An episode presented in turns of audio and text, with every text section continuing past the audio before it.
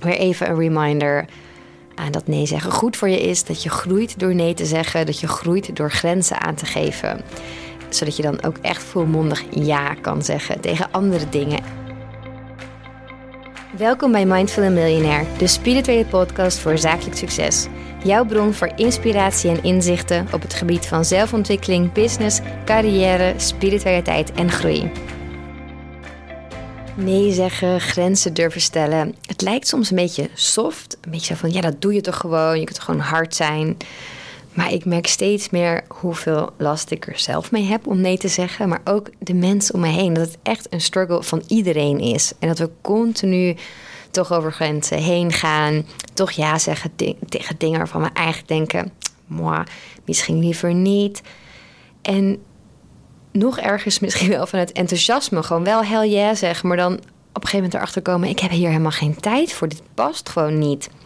Ik had het deze twee weken, ik keek naar mijn agenda en ik dacht... wauw, ik heb niet eens tijd om te sporten. Ik heb geen tijd om een belafspraak te maken. Echt van die dingen waarvan je denkt, dat prop ik wel ergens tussen. Nee ik deed mijn agenda open en het stond... het kon gewoon niet, het paste gewoon niet. En toen dacht ik, ja, Stef, ik had dus echt even wat eerder nee moeten zeggen tegen een paar dingen. Maar ik vind alles leuk. En soms durf ik geen nee te zeggen. Dus het gaat gewoon. En dan zit je daarna met gebakken peren. Maar ik had hier net een mooi gesprek over met iemand. Want die gaf ook aan. Wat tussen mij en mijn droomleven staat, is nee durven zeggen. Nee kunnen zeggen. Waar moet ik dan wel nee tegen zeggen? En wat levert mij wat op? Het ging echt meer over de business. Dus van wanneer mag ik nee zeggen? Wanneer niet? Wat is nou handig? Hoe voorkom ik dat ik steeds weer in hetzelfde val? En we hebben daar best wel mooie nieuwe inzichten op gedaan. Ook voor mezelf, maar ook voor degene met wie ik het gesprek had. Dus ik dacht, die ga ik delen in deze podcast. Omdat ze volgens mij voor ons allemaal echt mega nuttig zijn. En waarschijnlijk weet je ze ook wel, maar kun je wel weer even een refreshment gebruiken. Weer even een reminder aan dat nee zeggen goed voor je is. Dat je groeit door nee te zeggen. Dat je groeit door grenzen aan te geven zodat je dan ook echt volmondig ja kan zeggen tegen andere dingen. En helemaal kan genieten van die dingen waar je echt ja tegen zegt. En het grappige was, het kwam heel duidelijk terug. Op het moment zelf dat je ja zegt, voelde je al een beetje twijfel. Je voelde al van, ik had het misschien niet moeten doen. Dus dat was het ene. De ene was, er was al een lichte twijfel op dat moment zelf. En daarna manifesteerde die twijfel dus zich ook helemaal. Want het was gewoon geen fijne samenwerking. Het was niet een chille opdracht. Het ging gewoon niet goed. Ik voelde me niet goed bij. Dus er was al een gevoel. En door toch niet in dat gevoel te luisteren, zit je daarna dus in die shit. Dus dat was één heel duidelijk deel. En ja, hoe kunnen we daarmee omgaan? Door wel naar ons gevoel te luisteren. Maar dat klinkt natuurlijk super makkelijk. Maar ook door kaders voor jezelf te maken van oké, dit vind ik belangrijk. Dit, en dan door ze echt op te schrijven. Want doordat je ze uitschrijft, kun je jezelf bij de les houden. En dan weet je dus van, oh ja, hier, ik zit al iets van, hmm, nee, ik voel het eigenlijk niet. Dan pak je de kaders erbij op basis van waar jij die eh, besluiten wil maken. En dan denk je, ja, nee, zie je wel, die past er ook niet in. Ik moet er gewoon nu even niet voor gaan. En dan maakt het makkelijker om nee te zeggen. Want je hebt al van tevoren besloten en nu hou je je daar gewoon aan. En dat vond ik ook wel een mooie bij de persoon met wie ik in gesprek was. Die zei ook van, ik heb dan wel eens nagedacht moet ik misschien iemand inhuren die dat dan kan doen? Of moet ik gewoon uit een alter ego creëren en vanuit daar nee schrijven? En toen dacht ik, ja, dat vind ik eigenlijk wel een mooi experiment. Dat zou je het dan wel eerder doen.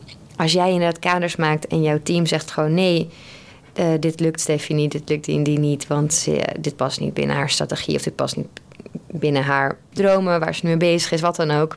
Of ze heeft gewoon geen tijd dat is misschien makkelijker omdat het dan wat verder afstaat. Maar natuurlijk moet je die keuzes ook gewoon voor jezelf kunnen maken. En het is ook aan die ander om dat te respecteren.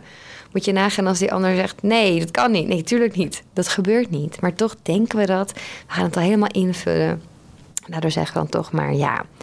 Dus dat was één ding. Dat je al heel duidelijk weet van nee, ik moet het niet doen. Maar ik doe het toch, want ik heb zoveel sympathie met die ander. Ik wil die ander zo graag helpen. Ik denk dat het toch ergens goed voor is. Maar oké, in dat geval dus echt naar je gevoel luisteren en niet doen. Kaders, iets voor jezelf uitschrijven, kan daar heel goed bij helpen. Want die kaders, dat opschrijven voor jezelf, dat helpt je ook om een beetje streng te zijn voor jezelf. Want je kunt ook denken van, ja, dit dit wil ik, dat ga ik gewoon doen. Dat, daar heb ik zelf altijd last van. Op dat moment ben ik helemaal enthousiast en dan zeg ik volmondig ja. En dan later denk ik, nee, hier heb ik geen tijd voor, dit lukt mij niet. Uiteindelijk krijg ik daar toch geen energie van. En dan is het weer heel lastig, want dan heb je al toegezegd. Dus ook die kaders, diezelfde kaders, kunnen heel goed helpen om dit te voorkomen. Juist als je te enthousiast zegt en dus op dat moment niet naar je gevoel kan luisteren. Want je gevoel zegt gewoon ja. En als er ook maar één iemand dat het aan je vroeg, was er misschien ook gewoon een ja. Maar er zijn honderd mensen die iets van je willen, die iets van je vragen. En je vindt het allemaal leuk, maar ik kan het niet allemaal doen. Dit gaat er voor mij, hè? Ik kan het niet allemaal doen. En ook in dat geval is het heel goed om te weten van oké, dit past er bij mijn droom. Dit is mijn visie, dit is mijn stip op de horizon, daar wil ik naartoe. Dit, dit is waar, waar ik voor ga. En dit en dit past erbij en dit en dit niet. En omdat heel rationeel, klinkt misschien een beetje saai, maar het is heel leuk ook om te doen. Om het allemaal uit te gaan schrijven alsof je dus een team voor je hebt werken. Ook al heb je helemaal geen team, dan ben jij even je eigen team. Doe alsof je een team hebt en schrijf helemaal op tegen dit zeg je ja en tegen dit zeg je nee. Of bij dit zeg je ik wil meer info. Maak in die zin echt een beslisboom voor jezelf. En gebruik die dan gewoon zelf. Want dan, kom, dan word je niet meer in dat moment gezogen. Dan weet je echt van, oh ja, dit past bij mijn doel. En dit niet, dus dit laat ik nu even gaan. Ik ben echt helemaal voor een handboek maken. Ook als je nog niemand onder je hebt werken, als je geen manager bent of als je geen eigen ondernemer hebt met mensen in dienst of ZZP'ers voor je werken. Nee, ook al werk jij helemaal alleen, ook dan is het supergoed om alvast in een handboek vast te leggen wat allemaal belangrijk voor jou is. En dan kun je beginnen met mijn missie en visie en daarna alles uitschrijven. Oké, welke keuzes horen daarbij? Waar zeg ik ja tegen? Waar zeg ik nee tegen? Hoe doe ik dit? Hoe doe ik dat? Want we zijn mensen en we zijn best wel, oeh, nu een beetje naar deze kant. Oh, nu vind ik dit leuk. Maar jij weet in die end heel goed wat jouw droom is. En door die op te schrijven en heel concreet te maken, kun je daar ook naartoe werken. En dan word je niet meer zo meegezogen in het moment. En laat me duidelijk zijn, die beslissingen hoeven niet alleen maar op basis te gaan van geld. Waar verdien ik meer geld mee? Of waar minder. Nee, ook wat voor impact bereik je? Hoeveel mensen bereik je? Welke mensen bereik je? Maar vergeet ook niet het plezier dat je daaraan hebt.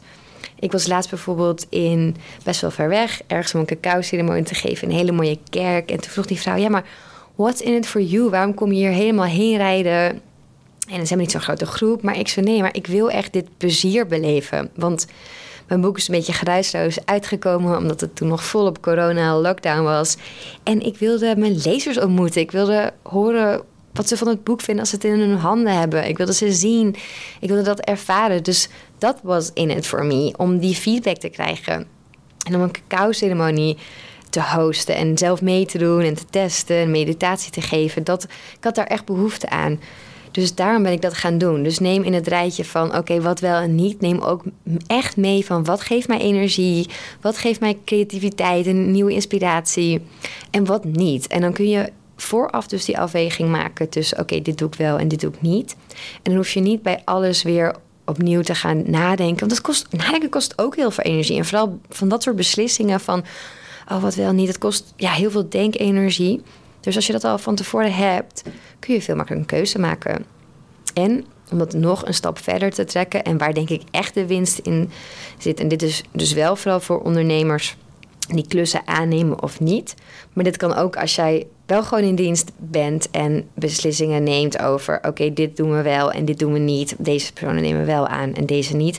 Dat jij die kaders dus maakt en daarin ook gelijk beslissingen verbindt dit soort opdrachtgevers heeft de keuze tussen deze diensten. En schrijf dan allemaal uit. Je hoeft geen maatwerk voor iedereen te maken, want dat maatwerk is ook werk. Het woord zegt het al. En het kost ook superveel werk. Dus beslis alvast van tevoren voor jezelf: oké, dit en dit gaat het kosten, dit en dit kun je kiezen. En dat zeg je ook van dit en dit persoon nemen we aan en dit en dit salaris hoort daarbij. Dus dat kan je met alles doen. Bij alles waar je vaker dan eens een beslissing over neemt, kun je uitschrijven wat voor ja, nee en wat er voor consequenties daar dan aan hangen als je wel ja zegt. Om het helemaal efficiënt te maken kun je zelfs al een afwijzingsmail maken die je dan erheen stuurt en dan een beetje tweak natuurlijk, maar dat je ook niet elke keer iets nieuws hoeft te verzinnen. Dat werkt ook. En dus ook voor de ja-mail ook een mail maken van dit soort diensten heb ik en dit kost het. En wat ik ook heel belangrijk vind is dat, want dat was ook een vraag namelijk tijdens de sessie die we net hadden Want als je het lastig vindt als een opdrachtgever toch meer van je vraagt. Dus dat je iets hebt afgesproken en dat doe je. En daarna vraagt die opdrachtgever toch iets meer. En ja, je wil die opdrachtgever aan de ene kant tevreden houden. Maar aan de andere kant wil je ook niet veel meer geven dan wat je had afgesproken. Want het is ook jouw tijd en jouw tijd is kostbaar en je schat jezelf op waarde. Dus je hoeft ook niet alles weg te geven. Dus hoe kun je dat nou bettelen? Hoe kun je dat fixen? En toen kwamen we tot het volgende. Dat als je van tevoren heel duidelijk maakt... dit en dit doe ik hiervoor... En als je iets meer wilt, zoals, en dan noem je alvast de voorbeelden waarvan je weet van, nou, dit soort vragen zijn er heel vaak, dan kun je die, kunnen die mensen die bij jou bestellen, maar dat kost dan wel geld. En dan weten ze van tevoren al, oké, als ik nog een extra foto wil, als ik nog een extra filmpje wil, of wil dat het nog een keer bewerkt wordt, dan weet ik dat het zoveel kost. Dus dan weet jouw opdrachtgever ook van: oké, ik kan niet even vragen voor meer, want daar hangt een prijskaartje aan. Kan je wel vragen, maar dan betaal je daar ook weer voor. En dan is het veel makkelijker ook voor jou om te zeggen van: oh ja, dat kan hoor, en dat is zoveel en zoveel. Dat is heel normaal als je dat hebt afgesproken en dan voelt het ook niet zo gek. En ik moest daarbij denken aan het hotel waar ik dit weekend was. Ik was in Kopenhagen voor mijn verjaardag. Het was echt geweldig daar. Ik zat even tussendoor en ik ben nog steeds aan het nagenieten. Maar wat ik daar geweldig vond, was dat ze ze hadden er allemaal zeepjes en lotionnetjes en dingen van een heel mooi merk. En toen zeiden ze ook van, als je dit lekker vindt, dan kun je het hier bestellen of je kunt het kopen hier en hier. En dat was natuurlijk al even voor mensen om te zeggen van... hé, hey, dit zijn gewoon grote full-size dingen... die moet je niet zomaar in je tas op om mee te nemen. Maar voor als mensen dat nog niet helemaal door hadden... hadden ze nog even het verder doorgetrokken en gezegd van... mocht je graag deze uit je kamer mee willen nemen, dan mag dat ook. Dan zetten we dat op je bill, we're happy to. En toen dacht ik, ja, dat is heel slim. Want dan denken mensen niet van, oh, ik kan het gewoon meenemen. En ja, dat hoort bij het hotel. Of weet je zo die sliding scale van, hoort het erbij of niet? Nee, dan weet je, oké, dit kost het. En toen dacht ik, ja, zo'n menukaart, dat zouden veel meer mensen moeten maken. Zodat je niet denkt, oh, dit stop ik even mee, weet je. Nee, je weet dan, dit kost geld als ik dit wil. En net zoals het meestoppen van een body lotion... is het ook even het extra meepikken van jouw brains over iets... door nog een extra sessie te verlangen achteraf. Of door nog een extra mini-opdracht erin te fietsen. Dus als je alles van tevoren zo al voorlegt, kun je veel makkelijker nee zeggen of ja, maar dan staat er ook iets tegenover. En dan staat er echt het geld tegenover dat jij wil. Hoef je ook niet weer in over onderhandeling te gaan. Kost dit allemaal best veel werk om klaar te maken en om over na te denken en op te schrijven? Ja, dit kost veel tijd. Want je moet er echt goed over nadenken. En natuurlijk kun je het aanpassen, maar je moet het even goed doordacht verhaal van maken. En ook terug gaan kijken van oké, wat ging er allemaal dan misschien mis? Waar was ik niet helemaal happy over? En hoe kan ik dat ondervangen? Maar gaat dit je mega veel opleveren? Ja, zowel in extra geld als in extra tijd, als in heel veel extra energie. En het scheelt gewoon heel veel negatieve energie. Dus ja, iedereen kan leren om vaker nee te zeggen, maar daar moeten we wel vooraf al echt wat voor doen.